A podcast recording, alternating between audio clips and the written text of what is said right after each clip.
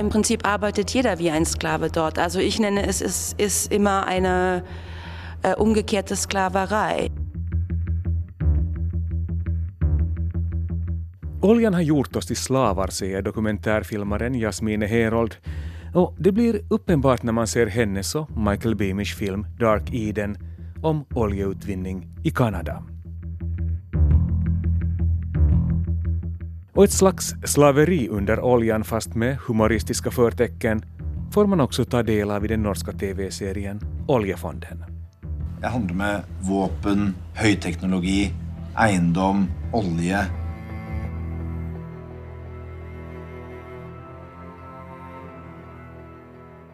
Men hur har vi hamnat i en situation där oljan styr vår värld? Och kommer vi att vara lika beroende av det svarta guldet även i framtiden? Eller håller oljans århundrade på att gå i graven?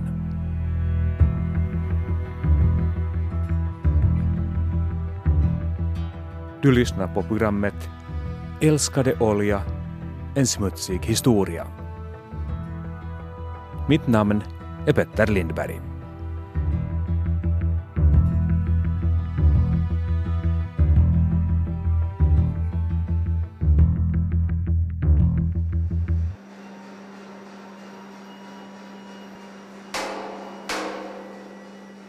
Oljan har under de senaste 150 åren styrt världsekonomin, gett upphov till krig och blivit en så självklar del av vår vardag att vi trots klimathot har svårt att frigöra oss från den. Men i mänsklighetens historia är oljans historia kort. Det var först på 1850-talet som man industriellt började utvinna olja i USA. Oljan förebådade ändå 1900-talets snabba utveckling, först endast som ljuskälla, men sedan som drivmedel när förbränningsmotorn uppfanns, säger Peter Lund, professor i teknisk fysik vid Aalto-universitetet. I slutet av 1800-talet kommer två viktiga uppfinningar. Det var Ottomotorn och dieselmotorn. Så att, att vår transport och hur vi, vi då, då rör oss, eh, den, den eh, får revolutioneras i slutet av 1800-talet, början av 1900-talet i synnerhet. Så att hästarna ersätts med, med bilar och bilarna behöver bensin som drivmedel. Och, och, där ser vi den här stora förändringen i behovet, alltså att förändra oss från lampolja till en, en drivmedel. Och, och förändringen äh, i, i, transporten sker väldigt snabbt, att vi ser till exempel i USA i synnerhet, så inom tio år till exempel så försvann hästarna från New York, alltså från den största staden, och ersätts med bilar. Så att, att efter det har det, kan vi säga från början av 1900-talet, 1910-talet så här, så, så över hundra år så där, där hände en väldigt stor revolution i hela samhället så att samhället blev beroende av olja.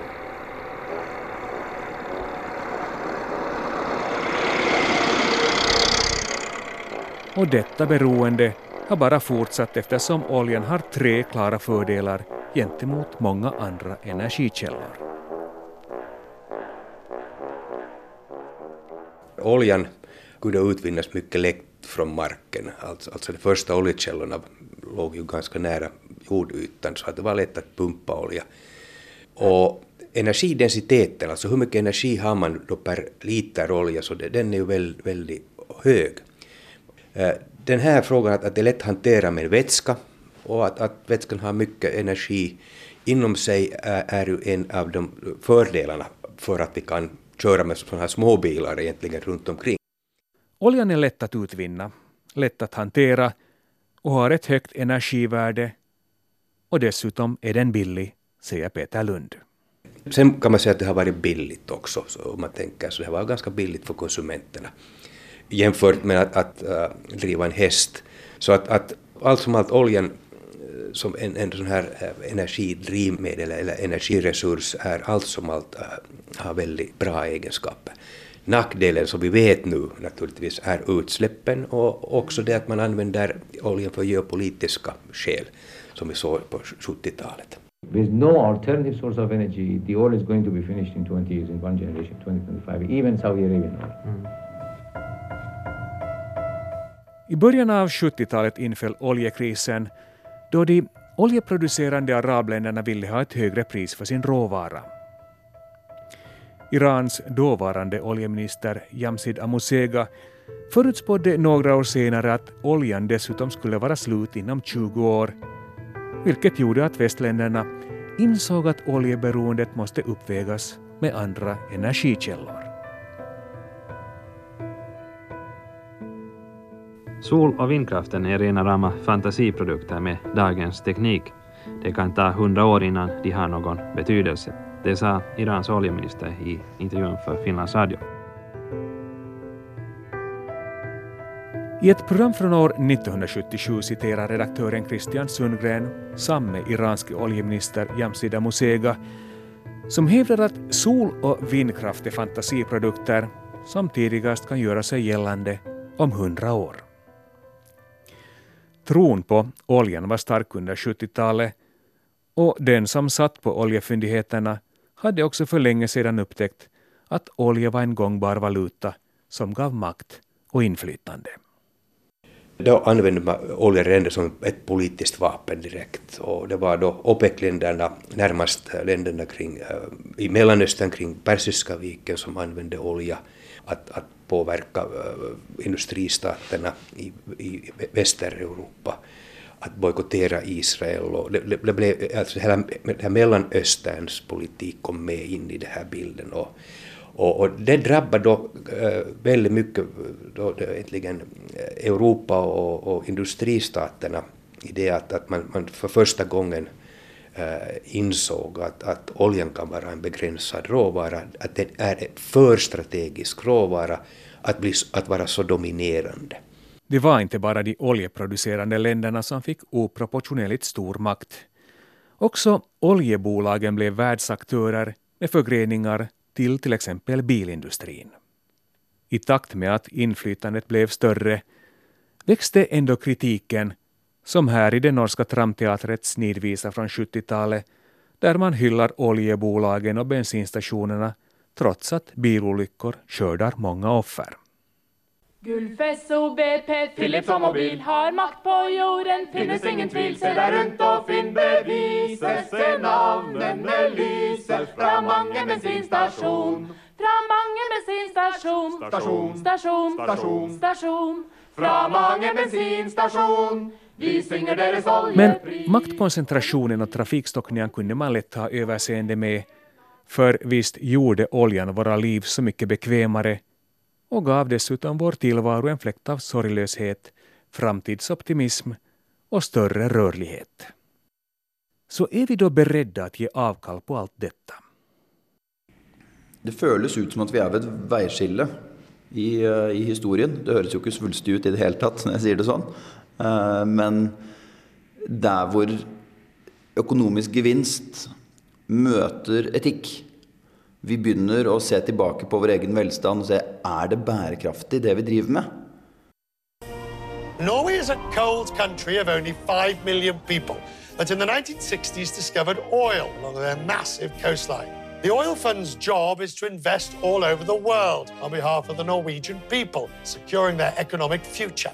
The oil fund is dealing with the biggest and baddest in the world's economy.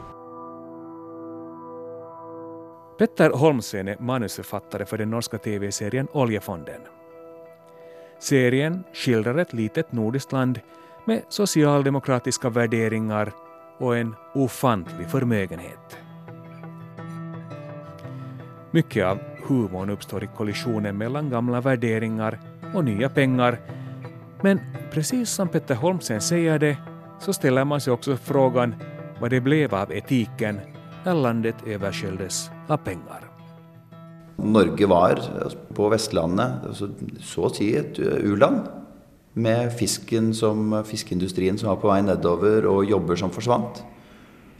Och plötsligt så får man den insprutningen av värde genom oljan. Eh, så är ju eh, oljefondet heller ett flash forward till att se vad som sker i 2018 i Oslo. Norge var ett fattigt land i norr som plötsligt blev ofantligt rikt. Hur ska man förvalta denna förmögenhet är seriens bärande tema, ett lyxproblem som gjort de inblandade lata och självupptagna. Oljeindustrien har gjort eh, det norske folk navlebeskuende. Vi har, liksom, vi har endt opp med å ha blikket eh, ført nedover. Eh, og det nå at oljen vil før eller siden komme slutt, eller blir bli slutt. Vi, vi, ser at oljefondet ønsker å finne andre muligheter å investere i enn olje. Det gjør at det norske folk må heve blikket. Oljan gjorde norrmännen till navelskådande veklingar, säger Espen Horn, som är producent för Oljefonden. Nu borde vi lära oss att höja blicken, säger han, och jämför oljemiljarderna med en bekväm dyna som norrmännen utan ansträngning kunnat luta huvudet mot. Jag tror nog det norska samfundet har brukt oljefondet som en sovepute över en rimlig lång tid. Eh, I forhold til f.eks. Sverige eller Finland eller andre land, så, så, så, så synes jo veldig mange i, eh, som går rundt i Norge at eh, det, oljen er fint og oljeindustrien er fin, men den har nok stoppet muligheten til å drive med annen type verdiskapning. Eh, annen type industriell virksomhet, annen type, type utvikling av teknologi eh, etc. TV-seriens Oljefond har blivit en bekväm koloss som trixar på aktiemarknaden och verkligen inte ägnar sig åt det som Espen Horn förespråkar av innovationer och nytänk. Istället spekulerar man i Disney-aktier och drömmer i det första avsnittet om att spränga den gräns som markerar en statsförmögenhet på 10 000 miljarder kronor. Igår investerade oljefondet flera tiotals miljarder i Disney. Disney? Här är min rapport. I den värld som oljefonden skildrar har man kommit så långt från den ursprungliga råvaran att den egentligen inte längre finns. Annat som en notering på ett konto eller ett diagram. alltså, man, man, ser väl i serien så ser man ju strängt talat inte något olja. Eh, och oljefondet är ju också på väg ut av olja. Og det er jo alt fra eiendommer rundt om i hele verden til, eh, til store internasjonale selskaper og konserner som de er deleiere i. Så det er veldig lite olje i oljefondet. Man ser aldrig någon olja i tv-serien Oljefonden. Och det är kanske en poäng som Petter Holmsen och Espen Horn velat göra, att norrmännen fjärmat sig så långt från oljan att den för dem inte längre representerar exploatering och slit utan endast stabilitet, trygghet och ett bekvämt liv. Mostly people they are working here, they are making very good money and still they say oh Fort McMurray sucks. Men där som oljefonden fokuserar på förmögenhetsförvaltning i det översta maktskiktet, där tar dokumentären Dark Eden oss till det allra lägsta skiktet av moderna oljeträlar. A lot of people throughout Canada come to Fort McMurray to make money, and a lot of times they uh, live somewhere else in Canada and they fly to Fort McMurray and they work and then fly home. And then there's a lot of immigrants from all over the world to come to Fort McMurray to make a living and to send money home. So it's actually a very multicultural place. I norra Kanada ligger orten Fort McMurray som lever på oljan. Människor från hela världen kommer hit för att jobba eftersom lönerna är höga, säger Michael Beamish. Trots att jobbet är slitsamt och metoderna att utvinna olja ur oljesand är extremt miljöbelastande verkar de flesta ändå komma hit i hopp om att bli rika. Im Verlauf dieser ganzen Jahre, die wir dort auch gelebt haben, sahen wir immer und immer wieder das Gleiche mit den Menschen passieren. Die Menschen kommen an diesen Ort und sagen, sie wollen ein oder zwei Jahre dort arbeiten, um entweder Schulden abzubezahlen oder sich irgendwas anderes leisten zu können. Und nach ein oder zwei Jahren, ach, ich bleibe jetzt noch mal ein oder zwei Jahre und dann plötzlich sind es zehn Jahre, 15 Jahre und das ist wirklich sehr, sehr interessant zu sehen, wie das Geld sich wie ein Oktopus um die Menschen legt. Under den tid som Jasmine Herold bodde i Fort McMurray såg hon många människor som lockats av höga förtjänster och som legitimerade sitt val med att de endast tänkte stanna några år i oljestaden. Men åren avlöste varandra och pengarna blev ett slags bläckfisktentakler som höll de allra flesta kvar. Mein Plan wäre irgendwann da weg und irgendwo schön im Grünen leben. Ja, wir wissen noch nicht wo genau. Ich muss nicht reich sein. Många europeer kom till Fort McMurray för att jobba inom oljeindustrin och många av dem lärde Jasmin Herold känna under sin vistelse där, inklusive sin blivande man Michael Beamish. Varken Jasmin eller Michael hade koppling till oljebusinessen, men de såg vad oljan gjorde med människorna och så småningom under en period på sex år omvandlades hennes romanprojekt och hans teaterverksamhet till en gemensam dokumentärfilm. Es ist eine sehr extreme Situation, die Isolation, die extreme Umweltverschmutzung, das viele Geld. Und ich empfand, ähm, dass man unter solchen Umständen die menschliche Essenz extrem gut sieht. Also die Conditio Humana kommt dort sehr roh und unverblümt zum Vorschein. Und das fand ich unglaublich faszinierend und interessant. Fort McMurray är en isolerad stad med mycket pengar och en omfattande miljöförstöring, säger Jasmine Herold. De extrema omständigheterna synliggjorde ändå mänsklighetens villkor på ett överraskande öppet sätt. Och det var både intressant och fascinerande att se hur oljan och pengarna gjorde stadens invånare till slavar. Es gehört auch zu den ähm, policies of the companies, dass man wirklich auch den Mund hält über die Arbeit. Man sagt nichts zu anderen über die Arbeit. Und das ist natürlich schon auch eine Art Sklaverei. Oljeföretagen köper de anställdas lojalitet och tystnad med pengar. Men också treveckorspassen och de långa arbetsdagarna på tolv timmar gör de anställda fogliga, tillägger Jasmine Herold. Du arbeitest zwölf Stunden am Stück, wochenlang, dann eine Woche frei und dann genau das gleiche wieder. Und zwölf Stunden äh, sind auch nicht ohne Grund. Das hat einen psychologischen Grund, dass es zwölf Stunden sind, weil wenn du zwölf Stunden drei Wochen lang am Stück arbeitest, du denkst über nichts anderes nach. Du hast keine Zeit für irgendwas anderes und es ist wie Sklaverei.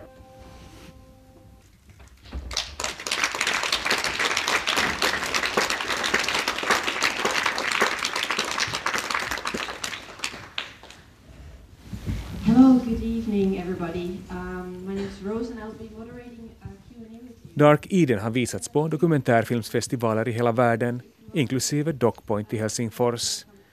Men i hemlandet Kanada är ämnet känsligt och ju närmare Fort McMurray du kommer, desto fler människor är det som är beroende av oljepengarna, säger Michael Beamish. Of course, everyone works for the industry and they shouldn't be demonized for that. But at the same time, it has consequences. And in Fort McMurray, there was only one uh, conversation. The conversation was always how good the oil industry is and how many jobs it creates and how good it is for the economy. But nobody talked about the consequences.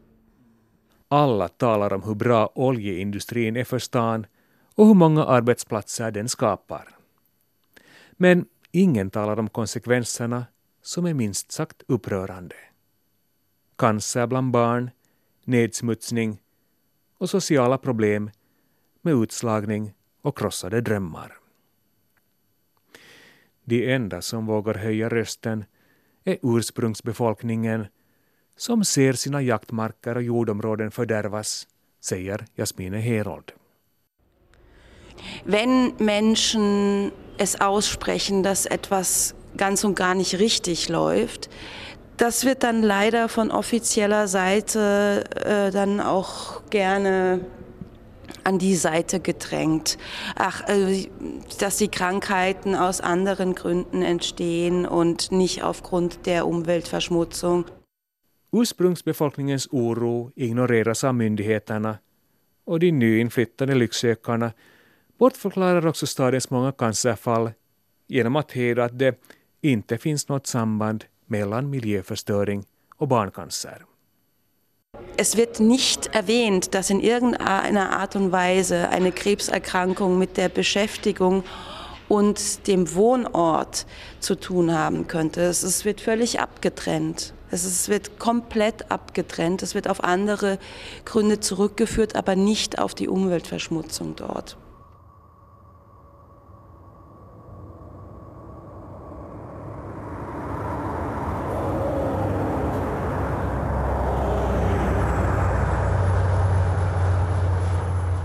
I en jämn ström kommer det människor till Fort McMurray, moderna lycksökare som drömmer om rikedom eller ens en anständig lön för familjen där hemma i Afrika att leva på.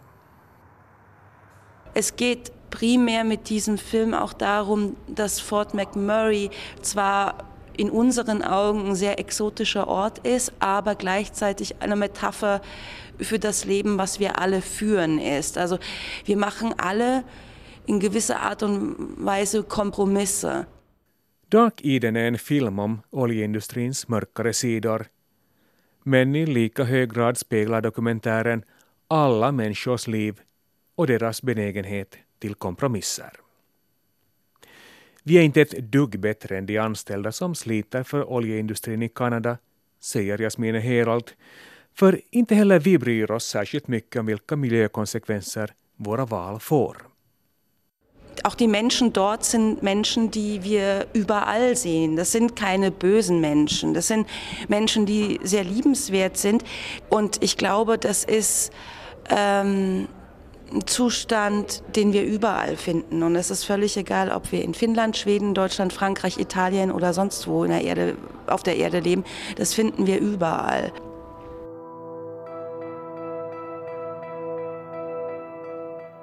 Ignorans och okunskap hittar man överallt.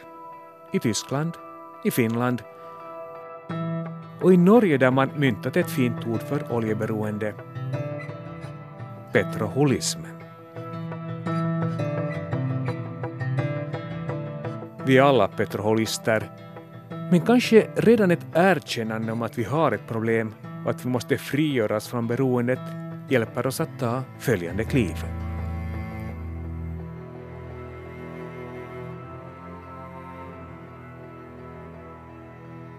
I, I dagens läge, om vi ser den här stora frågan, vad är den stora frågan med oljan, är, är, är säkert den här miljöfrågan. Alltså, oljan eh, står för ungefär 35 procent av världens utsläpp, eh, stenkol 45, så att oljan och stenkolen eh, står för 80 procent av alla utsläpp som borde nu få näs till noll här inom, inom ganska kort tid, upp till 2050-2060 borde man vara redan i industriländerna CO2-neutrala. Men ändå, den här stora bilden, i synnerhet efter det här Paris klimatavtalet då för tre år sedan, så det är säkert nu den här frågan om utsläppen, globala koldioxidutsläppen som, som också påverkar oljan och oljans framtid. De globala utsläppen måste fås ned, säger professorn Peter Lund. Men ett beroendemönster är inte lätt att ändra, tillägger han. Men när man är adjektiv på någonting så är det alltid en svårighet. Det är säkert mellan öronen mera än äh, i plånboken. Alltså, alltså, allt som att, allt, om vi tänker på den här kostnadsfrågan som ofta ställs, att har vi råd att byta från oljan till någonting, så det, den är inte en fråga. Och tekniken är inte ens en fråga. Tekniken och ekonomin kunde fungera för en relativt snabb förändring från olja till någonting annat. Men sen är det här medvetenheten och, och människans beteende, och där kan vi tänka just, just inom städerna, när vi talar mycket om kollektivtrafikens betydelse, att, att få bort bilar från, från de här gatorna. Så det här, nu, är, nu är det då frågan också där att, att, att, att våra beslutsfattare inom, inom kommunala förvaltningen, att, att de klart ställer villkor på det, att, att bussarna ska inte då använda olja. Och, å andra sidan ser vi nog, nog att, att det kommer sådana här folkrörelser, men, men att, att den har inte konkretiserat sig på hur ska vi minska utsläppen och, och där borde man få säkert våra medborgare mer aktivt med och påverka på saken och komma också upp med nya idéer. Hur ska vi göra det? Ut och starta restaurang. Förebilder, reglering och tvång listar Peter Lund modeller för ett oljesnålare samhälle. Och kanske en mer handfast etik som i den norska tv-serien Oljefonden representeras av Katrine Halland bolagets etikansvariga person. Det är inte så väldigt lätt att, att få till att göra en reell forskjell eh, när det kommer till stora spörsmål om miljö, i hvert fall inte de globala spörsmålen. Så jag tänkte att... Signerte du själv? Jag tror alla är eniga om att vi trenger flere strenge tanter. Både hemma och på arbetsplatsen. Jo, herregud. Altså, altså, Norge hade ju varit ett, ett shitshow hade det inte varit som för tanter som Katrine. Men rett og slett i en TV-serie så er frykten at folk skal sitte og være sånn Å, herregud, for ei kjip tante. Fordi jeg har kjempelyst til at publikum skal være glad i Katrine. Det å kunne se at hun, hun är et menneske med følelser, hun også. I framtiden behövs det flera stränga tanter, säger Espen Horn och Petter Holmsen, utan att lägga något förklenande vid ordet tant. Men vi kan inte förvänta oss att det endast är tanterna som rakryggat ska säga stopp. Alla blir vi tvungna att ge avkall på somliga saker. Vi kan helt enkelt inte längre blunda för fakta. Ich will das überhaupt nicht rechtfertigen, aber es ist auch eine schizophrene Art des Menschen, sich selbst zu schützen. Weil wenn man nämlich beginnt, das äh, in Frage zu stellen, worauf das ganze Leben aufgebaut ist, dann muss man eine eigene Konsequenz daraus ziehen. Aber das Geld hat die Menschen dort so in, in den Bann geschlagen. Att blunda och bortförklara är mänskligt och att erkänna realiteterna medför alltid konsekvenser, säger Jasmine Herold. Människorna i Fort McMurray är inte dummare än att de inser sin belägenhet. Men pengarna och bristen på alternativ tvingar dem att stanna. Liksom samhällets inbyggda system som tvingar de fattigaste att tävla mot varandra. Das Problem mit dieser ganzen Wirtschaft und dieser extremen Konsumgesellschaft, die natürlich auch ein Teil dieser, dieses großen Ölverbrauchs ist, ähm, es funktioniert deshalb so gut, weil wirklich die Armen die Armen ausbeuten. I say you are in Fort McMurray and you are in the Shogal couple hours, so you spend $600, $700 within two, three hours.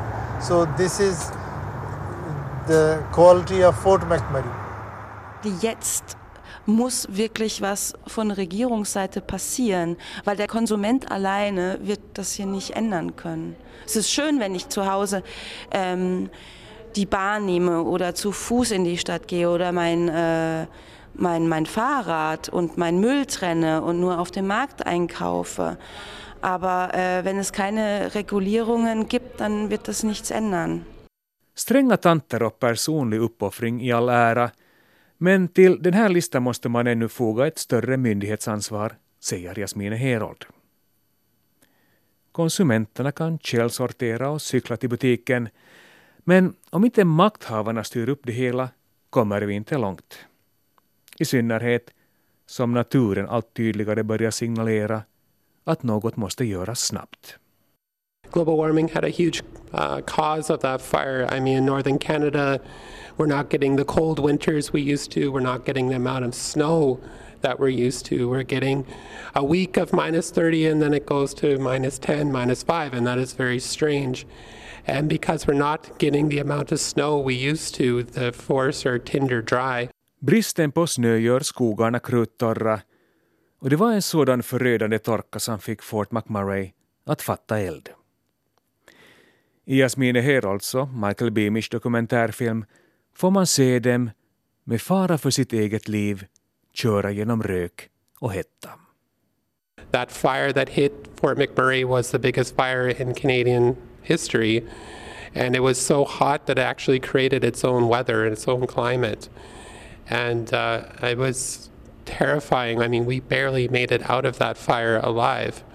I mean, we I lost my apartment, I lost all my possessions, and uh, yeah, I, we still both Yasmin and I still dream of driving through that fire. And at one point, the car was so hot, we thought we thought we were done. We thought the car was going to catch on fire.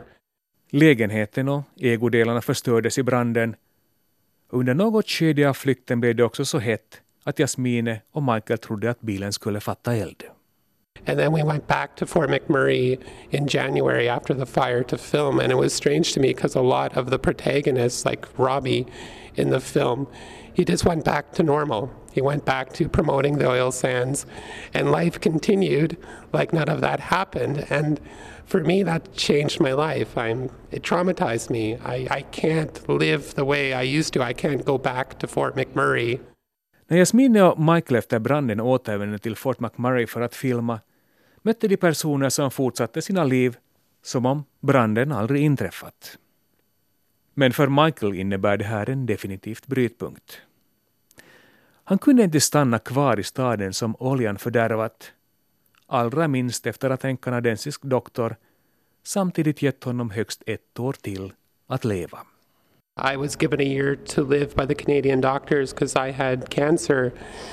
And when you're put in that circumstance that you're told you're going to die and you have to fight for your life, you really understand how precious life is, how fragile life is, how beautiful life is, how short life is. And time, this time we have now, is, is such a gift. And when you're dying, you don't think of money. Med en dödsdom över sig tänker man inte på pengar, säger Michael Beamish. Man inser hur vackert, kort och skört livet är och följer sin hustru till Tyskland istället. De kanadensiska läkarnas dödsdom mildrades av de tyska kollegorna och nu åker han och Jasmine omkring i världen och talar om sin dokumentärfilm och nödvändigheten att reducera vårt oljeberoende. Die Medien in Kanada sind ja extrem gleichgeschaltet. Men oljans århundrade har ingalunda gått i graven än, om det nu var någon som trodde det. Fast oljans användning i det här hela stora energipaletten, den, den har minskat. Och om vi ser på början av 70-talet så nästan 50 procent av världens energi kom från oljan. Nu är den ungefär en, en knappt en tredjedel. Men om man ser på absoluta mängden så från 1970 till år 2030, 60-årsperiod, så då mängden olja, olja som vi använder har fördubblats. Men, men dess, dess roll inom den här stora energibilden, eh, så den, den har minskat nog, men ändå vi pumpar fast två gånger mera olja än vad vi pumpade före oljekrisen. Så att, att, att oljan eh, är nog viktig och, och det är svårt att se att, att, att, att sån här väldigt snabbt förändring kunde hända, att, att vi skulle bara nu så här inom de nästa tio åren säga att vi använder inte olja. Nu är vi, vi är oljeberoende en, en lång tid, men, men att, att nu är det intressant att se det att, att kommer den här oljeanvändningen att avmatta och kommer den komma att ned och, och i, i synnerhet hur kommer Asiens stora länder som inte har en sån bilism som vi, äh, hur kommer de att, att bygga sin transportsystem? Det är då Kina i synnerhet och Indien, de två stora miljardstaterna. Hurudana spår kommer de att välja in i framtiden?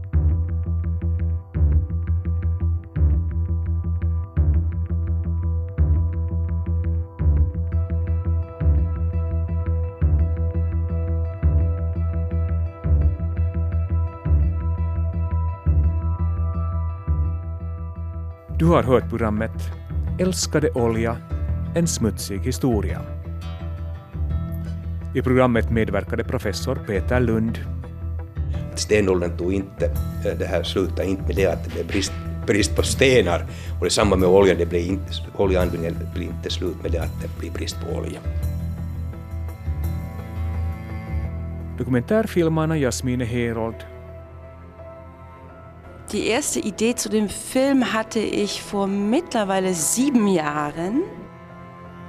Och Michael Beamish. For me, the film started when I met Yasmin.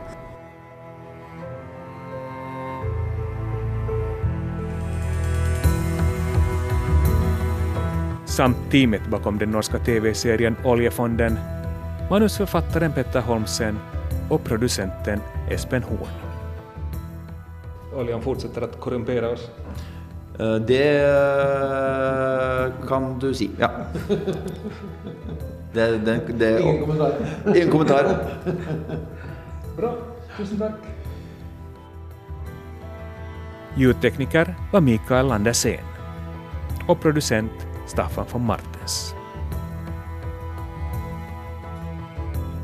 Mitt namn är Petter Lindberg.